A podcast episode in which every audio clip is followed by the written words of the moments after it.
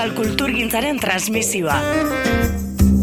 Mondragon Unibertsitateak, Goiena Komunikazioak, Euskadi Irratiak eta Bilbo Iria Irratiak elkarlanean egineko saioa.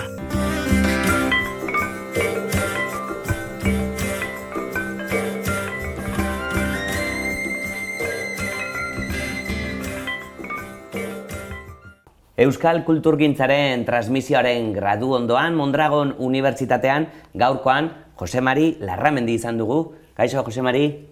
Guardian. Bueno, eh, antropologoa eta filosofoa bera, esperientzia pila kontatuko dizkigu. Kantatzen egon bar zenuen, eta eskenean hemen eman duzu eguna unibertsitatean, Jose Mari? Bueno, eh, gaur hain zuzen mm, Iruña kantuz eh, eh, ospatzen da, eta bueno, ba, gaur eguardian negoteko asmua nuen, baina fetxa aldaketen ondorioz, ba, e, ikasleok ere e, korrikari e, e, zera bere lekua egin nahi izan duzuelako, azte bete aurreratu behar izan dugu eta kitxo. Mm Bueno, Jose Marik, e, azken urteak, enpresa munduan eman ditu, baina kulturarekin, antropologiarekin, filosofiarekin, harreman handia izan duzu, duzu, eta bizipen asko ezagutuko ditugu ba, larogeiko amarkadaren aurrekoak gehienak, ez da? Hizkuntza, pertsona, profesionaltasuna eta memoria, lau ardatzoiek, buruan izan da edo bihotzean izan da edo, e, gauza pila kontatu duzu klase honetan, e, eta hasteko e, atzera ingo dugu oso atzera gainera, Jose Mari, e, eta gabantxo aipatu behar dugu, ez da? Euskara egiteko gogoa ezabatu zizun pertsona ura, Bai, e, nire gure garaiko, garaikoen euska e, e, eskolaratzea gogorra gertatu zen gehien, gehien txuen eta niretzako bereziki. Ze e, nik bost urtekin ez, ez, nien, ez nuen ez nekien hitz batik ere e, erderaz, eta irakasleek, izan dituen irakasleek, ez, ez zuten, ez egiten e, euskerarik ez da hitzik ere. Eta hoien tartean bat zen e, berezia eta hain zuzen da biaturisten artean e, izan genduen maisu oso zorrotza, baina benetan gaiztoa.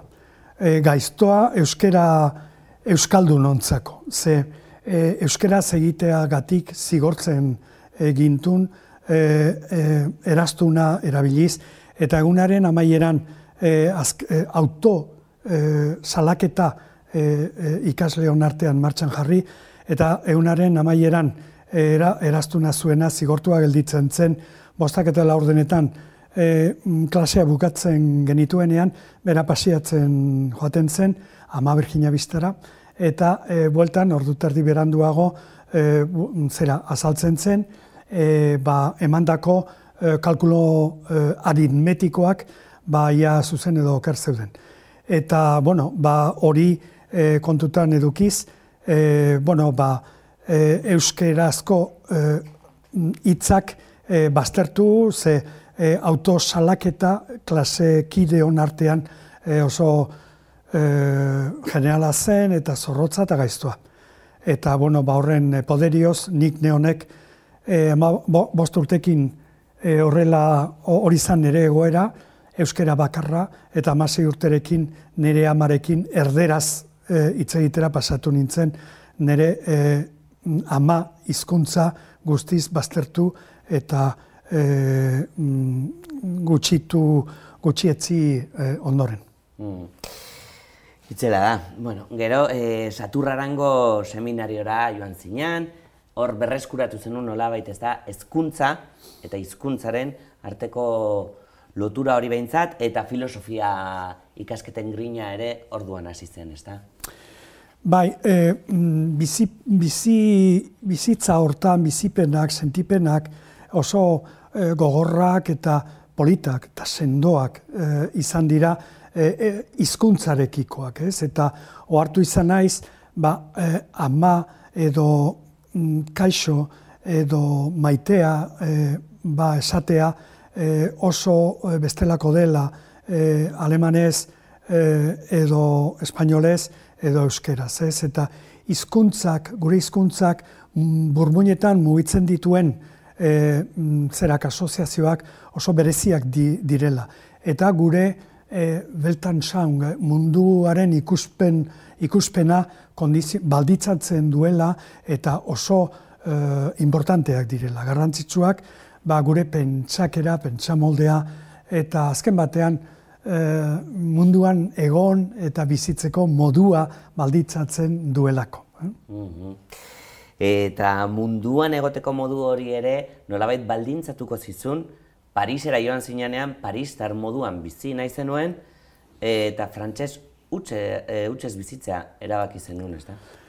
Bai, buelta batzuek eman ondoren, e, Parisen bukatu nuen, e, irurogeta zeian, e, mm, asmo batekin, nik ordurako filosofia ikasketak eginak nituen, baina, bueno, e, Alemaniakoa e, utzi ondoren, bueno, ba, Parisen nahi nuen, ba, momentu hartan antropologia e, ikasketak eta ikerketak eta personaiak e, irakasle handiak munduan antzeudelako. Eta arek e, mugituta edo ba, a, zera e, bertara, bertara jo nuen. E, mm, noski e, kultura bat ezagutzeko modu bat bakarra dago eta bertan da bertan murgiltzea eta bertan bizitzea. Eta nik uko egin nion neure buruari ba, e, beste euskaldun batzuekin egotea salbu momentu berezi batzuetan eta bar eta alegin guztia e, mm, ohar notak e, esplikazioak irakurketak dena e, eta lagunak frantsesak aukeratu nituen, ba, frantsesa ikasteko modu bakarra, hizkuntza bat ikasteko modu bakarra delako. Eta horrela, ba, zei bat bete baten buruan, ba, usten dut e, euskera, e, barkatu frantsesa oso ondo menderatu nuela, eta gero oztik, e, bueno, ni, nire e, frantsesa, e, etzu, frantsesek ez identifikatzen espainola zentuarekin, inundik ere, eta neko harrituta e, galdetzen zidaten, ia nungoa oten nintzen, ze azentu hori, e, bueno, ba, frantsesa ez nintzela, baina etzegoela garbi nungoa nintzen, eta bar.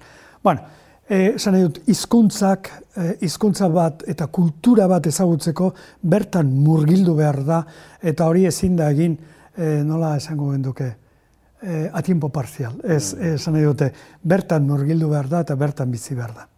Apunte horiek gainera gordeta omen dituzu, ez da? Zure bai. lehenengo apunte horiek, ez bai. da? jakin barikia ia, ez da? Hortze ez? E... Bai e, lerro asko zuririk daude eta tarteka hitz bat, gero e, aditz bat, geroseago frase bat, bukatu gabeko frase bat. Eta horrela, baino ja gabonetarako e, hori irailean hasita, gabonetarako, iruro eta masiko gabon haietarako, nik apunteak hartzen dituen, ulertzen nuen zer esaten zuten, naizetan ere espresio eta komunikazio kapazitatea murriztua izen. Bueno, suerte bat izan nuen eta irakasleen artean e, umeak nituela, aurrak, eta aurrak e, oso zinikoak eta e, diktadoreak dira, eta bueno, e, gaina euren erdi maixuari, ba, e, e, hankasartzeak bere ala identifikatu eta arpegira botatzen e, zidaten, eta horrek asku lagundu nindun nire frantses e, ezagutza e, horreratzeko. Adibideren bat, gogan duzu, Jose Mari, aurrek nola sasatzen zintuzten hitzen batekin edo... Bai, batez ere hasieran preposizioekin, ez? E, e, Psio, ondi pasa, e, e, de, e, eta nik por edo para erabiltzen nuen. Eta, bueno, ba, batez ere preposizioak, e, preposizioekin guztiz, e, e, zera, e, zorabiatuta e, ibiltzen nintzen hasieran. Ze hori da e, gauzarik e, zailenetakoa. Eta noski, bero, pronunziazioan barra egiten zuten, ze pronunziazioa, bueno, ba, eurek txio esaten dute, e, bueno, izkuntza familiarrean, eh? Mm. Eta nik argota ere ikasi nuen, frantzes argota, e, eta, bueno, zera esan ordez, bueno, e, argotz batek esaten dugu, monsieur, eta horrek ez dute monsieur, esate, mezi monsieur. E, bueno, eta ez da berdina, da barra egiten zuten, fin, holako anekdotak, bai. E, klase batzutara joan aizen nuen, klase zehatz batzutara, ez dakit klasetara, edo irakasle konkretu batzuk entzutera, ez da? Hortzetartean, e, Pierre Millar, Claude Levi-Strauss ere ez, sekulako izenak direnak, ez da? Bueno, ni klaseetara joatean nahi nuen, garbineukan antropologia egiteko bideri motzena, nire filosofia titulua konbalidatzea zela, eta hortarako filosofia egin behar nuen, gero soziologia, e, nantearen, e, Pari, Pari Diz, e, Universitate Gazte hartan, eta e, bitartean, e, noski, ba, bai, e, ezagutu, bueno, jakin izan nuen, ba, beste unibertsitateetan ari ziren e, irakasle oso zona handikoak, e, ba, dibidez, e, e, mm, e, Levi Strauss, edo Pierre Villar, edo horako maixo handiak, eta bueno, ba, e, eurek zeuden unibertsitateetara ere, da nuen moduan, e, Katoliken barruan adibidez, bueno, ba, eskribatu nintzen, eta han ere e, filosofia gradua egin nuen, ba, bueno, ba, e, Pierre Villarren e, klaseak oso e, ona zirelako, Dumery ere etortzen zen ara e, klaseak ematera, eta e, Collège de Frantzera e, Levi Strauss entzutera entzule bezala joaten nintzen, ze han iskribatu eta ona hartu izan niduten entzule bezala bere klasetara joatea, eta nik orduan bueno, ba, e, antropologiari buruz oso sensibilizatuan egoen, e, mm, nanterren genuen e, soziologoa ikaragarri hona zen, eta hor e, aurrera bidea nahi nuen, eta egitea. Eta hor baita ere, anekdota mm, zirkustantzial bat, momentu hartan soziolinguista oso importante bat zegoen, zara ustarra, e, John e, Landaburu, e, zera Parisen, ordurako Kolombiako e, indigena batzuen e, zerak e, azterketak egin da gero hizkuntzari buruz, e, beraien hizkuntza idazten ari zen, e, gramatika bat egiten, eta bar, eta ni berarekin, e, e, bueno, berarekin bizitzera pasatu nintzen, da bi urtez, e, pisu baten, eta orduan bera, bere eskutik, olako irakasle handien gana e, jotzeko parada izan nuen. Aha eta motorrez, motorrez zebilen, e, Jose Mari Larramendi gazte horrek, irurogeita sortziko maiatzan irauntzan ere parte hartu zuen, ez da, nola izan zen parte hartze hori, aktiboa izan zen, ikusle nola bizi izan zenuen irurogeita sortziko maiatza. Bueno, motorra oso simplea da, e, kilometro asko zeuden, nik e, nire e, lehenengo lanpostutik, eskolatik, kolez de Bizen Baletik, Nanterreko Unibertsitatea hiru ordu laurden behar nituen. Mm. Autobusa eta trena. E, eta, bueno, hori denbora luzegia zen. Eta konturat, ohartu nintzen, ba, e, mm, motorrez, e, mobileta handi bat, baina mobileta bat, mm. e, mm, ba, ordu laurden egiten nituela, ordu erdi irabazten nituen, beraz, bueno, izugarrizko ekonomia. Ikasteko, e, erabiliko zenuen. Bai, denbora hori, bai, ba. denbora hori. Eta, bueno, motorra hartu, eta batetik besteak korrika, Paris guztian atzea aurrea ibiltzen nintzen, ala beharrez, eta bueno, bueno, eta horrek eman zidan ezagutza Pariseko kale, semaforo, leku, erakunde, antzerki, zinema, liburutegi, taberna, e, klub, ezera guztiak ezagutzeko, banan, banan, Pariseko zati handi batetan. Amaos mila kilometro oinez, aziente asko, e, kotxe arteta, artean e, norbaitek atea irekitzen zuenen, da tartean aurreratzen batean kontra muturra jo, ber, en fin, holako, bueno, e, istripu txikiak, ez duen sekula suertez, alako istripu ondirik izan, eta horrela, horrela ibiltzen ginen. Eta, e, eta irurogeita sortzeko maiatz, ez dakit, bai. orduan e, irauntzarako erabiliote zenuen motorra? E, bueno, suerte handia izan, izan nuen, iru eta zeian e, zeudazkenean abiatu, osea, e, e, iritsi, eta hurrengo urtean, e, martxoan, e, hasi zen movimentua, e, han hain zuzen, nik eskola, bueno, klasek ide nituen eh, Daniel Erruz, Daniel Konbendi, eh, ikasle alemana, frantzian, hor zera, maio, uh, maio 68, pixka buru bizibleena izan zena, eta baita ere eh, Sobajo, enfin, olako beste batzuek. Eh, bueno, esango izu, eta anekdota bezala, ni zeran eh, mm, ikasle sindikatuan apuntatu nintzen, la, la EMNEF, EMNEF eh, eh, e, sindikato e, komunista, eta sindikato horrek gero sortu zuela FNAC, FNAC sare denda. Ez eta, bueno, e, horrela... Orso handizkorik ez zan zaluko. bueno, eta e, horrelako lagunkideak e, klaseetan izan da, ba, lehenengo, bueno, hasi aurretik, e, zera, mm, otsailetik aurrera bizi zanuen hori lehen e, zera batia. Baina nik e, muga bat nuen eta zen e, nik lanera e, boste, bostak eta e, boste terdietan eskolan izan behar nuela.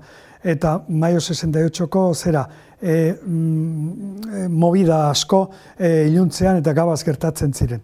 Orduan, bueno, ba, e, hor, hastian behin e, eskapada egiteko modurik banuen, eta hortarako motorra izugarri hona zen, ze e, transporte publikoekin e, garraio, garraiorik praktikamente bizen baletik eta e, sorbonara jo, oza, edo kartier latenea pasatzeko etzegoen e, modurik, eta nik e, nire mobiletakin e, independentzia handia nuen, eta batetik bestera muitzeko kapazidea izan nuen. Jose Maria egia da, arduan, ez? Esaten den topiko hori, ez? E, iraultzetan parte hartu duten askok gero e, enpresa munduan eta ez, ze gauzak egin dituzten, oso hartu dituzten, ez? Efnakeko gizon hau epatu zu esate baterako, ez da? Bai. E, bustoken ere egon ziren asko beste iraultza mota bada, baina ere esaten da gero estatu batuetan, ez? Hor goi mailan dauden pertsona horiek direla, ez mm. goi maila ekonomikoan, ez da? Bai, bai, Virgin e, sortu zuena, en fin, bai, bai, ala da. Bueno, alde batetik anik esango nuke, garai, garai hartan, e, liluraz beteriko iraultza edo ames bat bizi izan genuela, ez? Eta bizi genuela benetan, e, eta zera esaten denean, e, bueno, afitxetan jartzen e, zutena, Ba, nik usten dut egia zela, eh? cherche eh, sous le pavé, eh, c'est la plage que vous trouverez, ez? Eh, adokinen azpian eh, bilatu, ze hor aurkituko duzu, ondartza dago. Ez, esan dut, eh, hori zera bat zen, eh? Eta esan dut, nik usten dut gaina, benetan ekarpen handiak gertatu izan, eh, izan zirela hilabete haietan, eta transformazio politikoak, akademikoak, e, amestu genuen iraultzaura, e, irauli ordez, bueno, behintzat mugitu egin genuen, ez? De gauza batzuek, e, gauza batzuetan aldatu, e, erakunde batzuek e, adaptatu behar, beharrera eraman, akzioak oso e, zera gogorrak ziren, e, eskuntza ministroaren alaba, e, ministroa etorri zenean, piztinara bere aurrean bota genuen, e, bueno, bueno, ziran e, akzio deigarriak zeratzeko ez, deskontentua eta e, e, eskabideak zeratzeko ez. Eta egia da, bueno, ba, hortik, eta baina amesa handiak niak ordatzen naiz, ode honen gau oso teatroan, gau oso bat pasatu genuela ez da e, alde eta kontrakoak, e, bueno, ba, labadora industrial bat etxe, e, etxe bizitza oso baten e, biztan lehentzako jarri edo etxe e, bizitza bakoitzean labadora bat e, jartzea. Ze bentaja zituen batek eta beste, analisi ekonomikoa, analisi laborala, analisi ekologikoa, bueno, eta, bueno, haiek ziren amez, amez, hausnarketa neko aintzindariak, eta urte asko pasatu geroz, nik Eh, ber, ber sentitzen dituenak edo identifikatzen dituenak, ditudanak oraingo gizarte hontan. Eta horti noski, bueno, mm, dena, e, ekonomia, e, azkenean ekonomia da baldintza bat, ez? Egia da ekonomiak ez duela zentzurik etikari gabe, baina ekonomiari gabe ez dago, ez dago irautzarik, ez mugimendurik, ez da ez eraldaketa realik, ez? Eta, bueno, horrek eramaten gaitu, e, ba, bai, transformazio ekonomikoak, e, mm, ekonomiko hietan, e, buru belarriz eskuak sartu eta lanean e, astera, ez? Mm e, amets batek edo amets batzuk iraultza ez, e, motibatu zutela, ipatu zu, iraultza guztiek, asko aldatu aldute, Jose Mariren ametsek? Personalak? Bueno, nik eh, beti esaten dut iraultza egin nuen, e, iraultza handia gainera. E, maietza, irurogeta amaseiko maietzan, maietzean gertatu zen iraultza. Ba, han, e, esat, dana esateko, e, bueno, han arrap, poliziak harrapatu izan bagintun, urrengo e, goizean e, juizioa, eta arratsaldean endaiako e, fronteran jarriko gintuztela bagenekien, eta hori jakinez, ba, bueno, ba, hangen biltzan, baina, e, bueno, neurri batzuek hartuz hori gerta ez edin, ez? E, eta, bueno, ba, horrek bizi, e, nik usten dut momentuan momentuko, e, lekuan lekuko, e, iraultza eta transformazioak egin behar direla. Eta eraldaketa nagusiak, inguruko eraldaketak eginik bakarrik e, zeratzen dira, ez? E, soziologo e, e, irlandesak esaten duen bezala, ez? E, eta iraultza benetako iraultza hori da. Eta gaur, ba, gure inguruko iraultza eta neri dagokit orain, ba, zarauzko e, herrian, ba, mm, eraldaketa txikiak, aurrera pausoak egitea, beste batzuekin e, alkartu, saretu, eta mm, mm zera berriak e, gizarte ari, e, zarauzko gizarteari proposamen berri batzuek egitea. Hori da, nik usten dute, e, zera, e, eraldaketa e, permanentea izan behar du. Eta nik usten dut da, dala bizitzeko modu bat. E, mm, Part-time e, zera, e, e, eraldatzailea ezin da izan. Eh? E, revoluzionario a tiempo parcial hori ez da posible. Ez? Mm e, Pariseko atala izteko, Jose Mari, aipatu nahi nuke mila behatzen da irurogeita garren urtean, e, antxe refusiatuen artean zenbiltzatela eta el catalán eta el obrerito ezagutu zen dituzten, e, patxik, patxik eta zuk ezagutu zen dituzten, Euskal Musea Gernika muntatzeko nahi azuela etak, e, eta bueno, zuen kontakt, zuek kontaktuan, bueno, artista batzuekin jartzeko eskatu zizueten, e, konta iguzu, mm. abentu, ez dakit, abentura deitu? Mm. Abentura baino zera handiagoa da hori. Mm. E, bueno, bai, ala da. E, bueno, e, etako frente kulturalak, uste, e, zera bat bazuen proiektu bat, eta zen Gernikako sarraskiaren, eta mabosgarren urte betetzea e, zera zela, e, medio edo fetxarekiko izituz, nahi zuten e, Gernikan Euskal Museo bat martxan jartzea. Tortarako udaletxearekin hitzein da zeuden, eta, bueno, guri ala e, e, bueno, azaldu ziguten e, proiektua eta e, bueno, nik ordurako e, arte mundua desente ezagutzen nuen, debako arte eskolatik e, bueno, balako e, izen batzuek eta ezagutzen dituen, eta bueno, e, zera e, alako e, proposamen bat e, egin zigutenean, e, ez hitzaidan oso arrotza gertatu, ez? Miro, edo brosa, edo kanogar, edo e, ginobar e, e, zeratzea, ez? E, mm, ezagutzea eta eurei eskabide bat egitea. Eta, bueno, ba, proiektu hori zela eta, e, bueno, ba, lanean hasi ginen, eta mm, nik beti ikasi dut gauzarik e, e, handienak modurik onenean erdiko atetik egiten direla.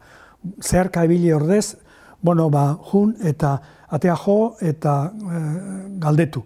Mm, izten baute itxita dago eta irekitzen badute ez zera. Baina zeharkako bideak e, ez dakizu nora e, e, dihoazten, nora zaramatzan. Bueno, eta horrela ausardia guztiarekin, ba, e, jakinik e, Joan Miro e, maekt galerian zegoela, bere, e, bere erakusketa e, zera e, antzegoela, a, mm, bertara deitu, galdetu genuen, ian egongo zen, eta egun batez esan ziguten hartzaldego bostetan egongo zela, eta beran joan ginen, e, zeratu genion, e, proiektua presentatu genion, eta, bueno, izu arrizko apaltasun handiarekin zera e, e, esan zigun. Bai, ezagutzen dut e, ze Euskal Herriaren borroka, eta horrekin kolaboratzeko presnago, baina e, ez dut edozein obra entregatuko eta behar du oso potentea.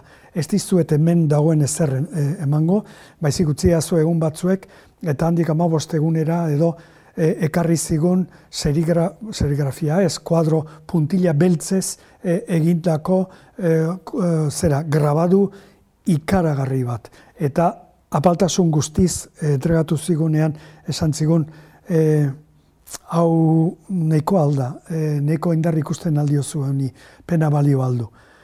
Bueno, olako persona batek e, humiltasun hori azaltzen duenean, benetan mm, unkigarria eta mm, rekonozimentu osoa e, emateko zera gogoa ematen du. Eta horrela beste guztiekin, kasu batean, ba, taberna batean alkartzen ginen, beste batean ba, mm, kultur ekintza batean, urrengoan e, koreografia e, zera antzer, antzerki batean, bueno, bakoitza zirkustantzia ezberdinetan ikutzen joan ginen, eta proiektu horrek gero jakin genuen, gauza bera egiten ari zirela Katalunian, eta mm, berdin baita ere e, Ego Ameriketan, bereziki e, Mexiko eta, e, eta Venezuelan bueno, hango artistekin, eta bar, muralista mexikarrek ere, ma, kolaborazio handiak egin zituzten, e, katalan artistek baita ere, bueno, ba, hor zera sare zera bat sortu zen, eta horrela, ba, hoeta mar bat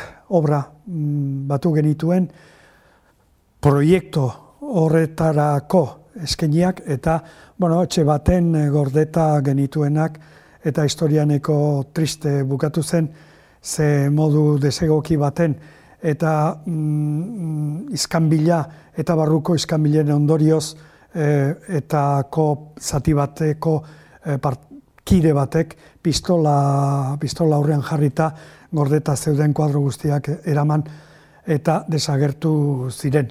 Handik aurrera hipotesiak besterik e, ez daukagu, hipotesia besterik ez dugu. Mm. Bueno, hortxe hipotesia ba.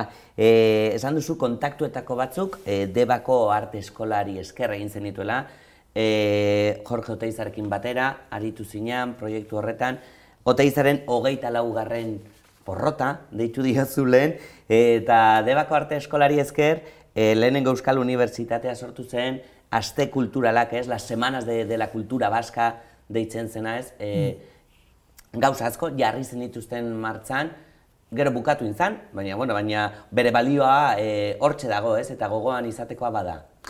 Jorge Oteizak zera bat zuen, amez bat zuen eta ideia oso garbi bat zuen.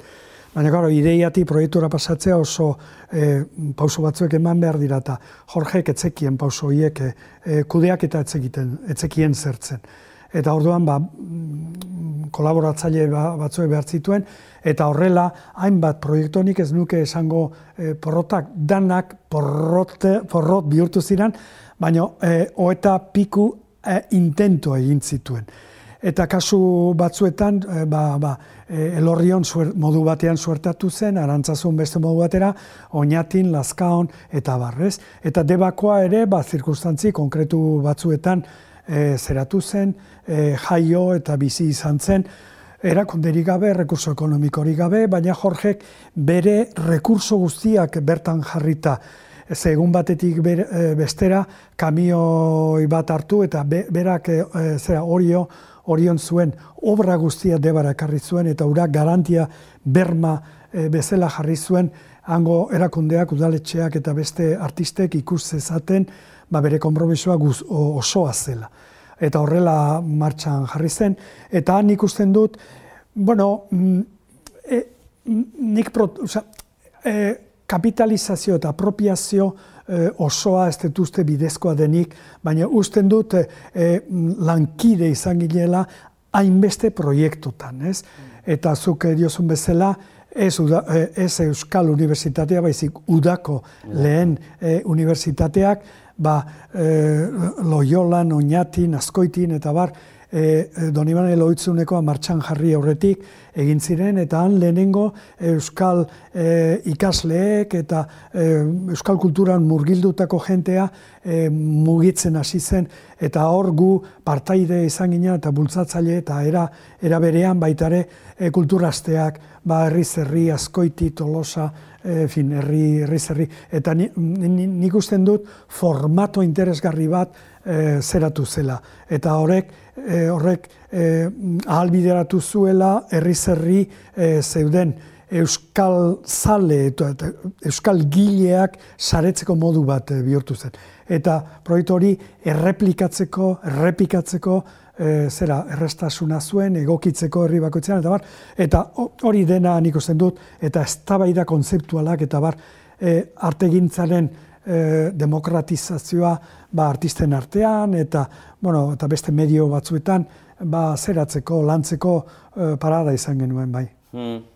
E, denbora agortzen ari zaigu, baina ez duke aipatu gabe utzi nahi, e, nik artearen edo kulturaren saretze honetan, zuk ere parte hartu izan dituzun beste proiektu batzuk, kilometroak esate baterako, ipur beltz aldizkaria egin, e, egunkaria zena, e, sosoa, e, disko etxea ere, hainbeste gauza, em, ga, e, hauek denak kontutan izan da zure bizipenak eta e, gaur kulturan, e, euskal kulturan, ez? Definitzeak kostatzen zaigun euskal kultura honetan, saretze guzti horrek bere lekukotza hartu aldu, hartu aldiogu, hartu altzaio. Bueno, eh, hola, olako galderetan erantzuna mm, naita ez eh, ezin da baiezko osoa borobila izan. Esan nahi dute, mm, a ber, eh, mm, garaian garaiko eta momentuan momentuko zerak e, sortzen dira, ez? E, proiektuak eta okasioak, ez? Eta nik, nik uste hori gaurko ratzerakoan edo gaurko gizartetik e, gauzak ez ditu, ez dituzte errepikatutzea dela denik zera modua. Baizik, e, hausnarketa berri bat egin behar dugu, gaurko helburua zein den, ez? Eta nik dut kulturgintzan helburua ez da, ez da produktua, ez da kuadroa, ez da eskultura, ez da itzaldia, ez da, ez da, ez da liburu bat, hori ez da helburua, hori medio bat da. E, kultura objetibante, altu zerrek deitzen zuena, ez da helburua baizik, kultura subjetibante, personak, personaren sormena, kreazioa, e, bueno, personaren izatea e, garatzen eta e, e, bizitzen lagungarri suertatu behar duen zerbait, ez? Eta hortik datorki guke agian e, planteamentuak, ez? Ba, e, nola zer da lehentasuna, e, ze politikal zeratu behar ditugu, e, bultzatu behar ditugu, e, jentearen parte hartzea e, kulturgintzan edo kulturgintzarik e, zerenak, bitxienak, ederrenak, aurreratuenak, jente guztiari zabaltzea. Zer da lehentasuna? Eta kulturaren azken batean funtzioa zer da? ez da edertasuna edo estetika edo ez gizarte bezala eta ez konzeptualki ez da ere, baizik personak dira e, azken batean helburu azkeneko helbura helburua eta personak bizi arazi e, protagonista sentitu eta ekarpenen zera nagusi eta propietario bihurtzen dian neurrian protagonista bihurtzen da. Eta persona bat kausa baten edo helburu baten edo proiektu baten e, parteide bihurtzen denean bere e, ahalmenik onenak emateko kapaz da naiz ekonomian, naiz kulturan eta naiz e, zeran ez. Eta gaur nik usten dut e, zentzu hortan hausnarketa mm, patxadoso bat, baina e, zera bat egin behar degula, serio bat, eta ez, ez errepikatu hainbeste garagardo e, azoka eta ardieroko azoka eta zenba jente pasatzen den, hori ez da helburua. Hori hori output bat da, hori, osea, e, hori, hori balitz e, kakoa e, eta proiektua, ba, mm, hor e, protagonista mordo bat egongo litzake, zer nola zertarako zeintzuk egin behar dugu hori. Eta galdera horiek ez, ez ditugu egiten, de pronto promotore bat ezagutzen, ezagutzen dugu, telefono bat, eta kit bat entregatzen digu, ba, ba hori, ba, a, feria bat, azoka oso bat, eta hori ez da ez e, zentzu hortan ikusten dut e, zera osnarketa ederrak bat daudela, e, gaur ere, e, ejemplo bezala, Donostiako zinemaldia e, e, ez da, e, az, e, amabostaldi ura ez da, hori ez da produktua, produktua da urtean zehar egiten ari diren lana. Eta hor dauden pauso guztia, konplizidadeak, autak, ez hor, autak eta asko egiten dira, festivalea heltzeko. Eta hori egiten, bide guzti hori egiten den neurrian, kultura sortzen ari da. Bestela, festival bat. Eta festivala norentzako, zertarako, eh, agian, mm, utzi, utz, eh, iadazue, pixka bat gogorra izaten, bueno, ba, turistentzako edo, edo mm, medalla politikoentzako besterik ez da egiten. Eta hori ez da eh, asmoa. Mm. Ba, bide horretan ibiltzen jarraituko dugu, ezta? Kulturak izan behar duen bide horretan ibiltzen jarraituko dugu. Jose Mari Larramendi, eskerrik asko benetan gurekin egotagaitik. Bai. E, zuei. Euskal Kulturgintzaren transmisioa. Mondragon Unibertsitateak, Goiena Komunikazioak, Euskadi Irratiak eta Bilbo Hiria Irratiak elkarlanean egineko saioa.